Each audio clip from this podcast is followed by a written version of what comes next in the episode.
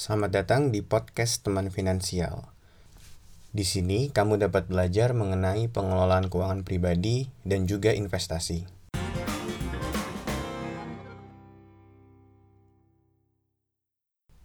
Hai, ketemu lagi sama gue di podcast Teman Finansial. Di episode kali ini gue pengen coba kita ngerefleksiin diri gitu ya. Sejauh ini mungkin lo sekarang sedang dalam proses belajar buat berinvestasi, mungkin lo juga lagi belajar buat mengelola keuangan pribadi lo sendiri. Tapi ada satu hal yang gua nggak tahu apakah lo sadar apa enggak gitu ya. Sebetulnya dua hal tadi investasi dan mengelola keuangan at the end of the day apa yang lo lakuin sebetulnya akan berhubungan sama uang yang lo miliki saat ini. Jadi yang lo kelola dan lo investasikan sebetulnya adalah uang itu sendiri gitu Nah, menurut lu uang itu apa sih sebetulnya? Kenapa lu repot-repot investasiin untuk berkembang? Kenapa lu repot-repot kelola? Kira-kira menurut lu apa uang? Kalau menurut gua, uang sendiri itu sebetulnya nggak lebih dari sebuah alat tukar aja. Jadi makna dari uang buat gua adalah alat tukar untuk gua menukarkan sesuatu hal dengan menggunakan uang yang gue miliki. Jadi uang akan ditukarkan dengan sebuah hal yang bisa gue dapatkan. Jadi kalau menurut gue ada hal lain yang lebih penting dibandingkan uang itu sendiri. Yaitu adalah hal atau tujuan yang pengen lu tukarkan dengan uang yang lu miliki. Jadi pada akhirnya kalau buat gue sendiri, gue nggak berfokus hanya kepada uangnya, tapi gue coba fokus ke hal yang pengen gue tukarkan dengan uang yang gue kumpulkan. Jadi kalau sebagai contoh misalkan untuk kasus gua ya. Gua mengumpulkan uang memanage menginvestasi sebetulnya ada tujuan akhirnya buat gua. Jadi bukan berarti gua ngumpulin uang sebanyak-banyaknya no. Gua punya target berapa yang harus gua kumpulin dalam waktu berapa lama.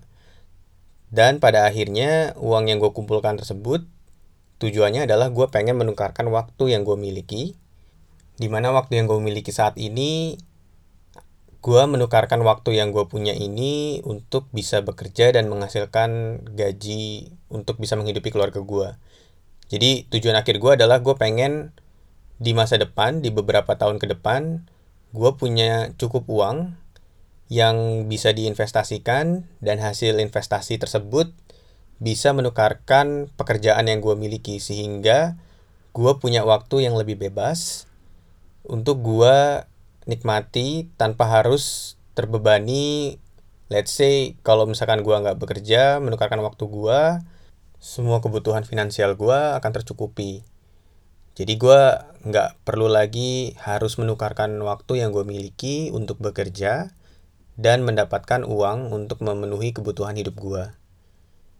At the end of the day hal tersebut bisa membuat gua lebih leluasa untuk melakukan hal yang gue pengenin di mana salah satu yang gue bayangkan sekarang adalah gue pengen beberapa tahun ke depan gue punya waktu yang cukup buat gue menghabiskan waktu tersebut bersama keluarga gue jadi gue nggak harus lagi compete waktu antara kerjaan dan juga waktu untuk dihabiskan bersama keluarga.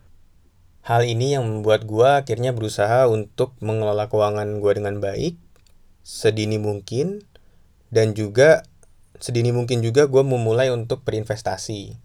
Di mana gue udah menghitung untuk gue bisa mencapai kondisi tadi, gue butuh uang berapa banyak, dan habis itu berapa lama gue bisa kumpulin itu gitu. Jadi kalau menurut gue apa yang lo bisa ambil dari cerita gue ini adalah mungkin lo harus bisa ngelihat lagi kalau lo belum punya tujuan keuangan yang pengen lo capai gitu ya lo harus lihat tujuan lo apa sebetulnya. Jangan sampai lo capek-capek ngelola keuangan berinvestasi ngembangin keuangan lo aset lo uang lo. Tapi sebetulnya pada ujungnya lo nggak punya tujuan. Akhirnya karena di ujungnya lo nggak punya tujuan bisa jadi lo akan kehilangan fokus dan motivasi buat terus mengelola keuangan lo dengan baik terus lo berinvestasi mengembangkan aset lo bisa jadi lu bakal kehilangan itu motivasinya. Karena memang di akhirnya at the end uh, you don't have the goals to be achieved.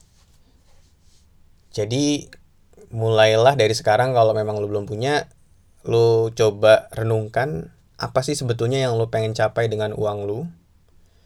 Apakah itu berhubungan dengan keluarga atau bisa juga mungkin your career atau lu mungkin pengen mengambil studi lain atau lu pengen mempelajari hal yang bener-bener let's say nggak bisa ngasilin uang tapi lu pengen banget buat mempelajari itu. Atau mungkin lu pengen keliling dunia let's say that's that's possible gitu. Jadi coba renungin lagi hal apa sebetulnya yang pengen lu capai at the end of your financial goals?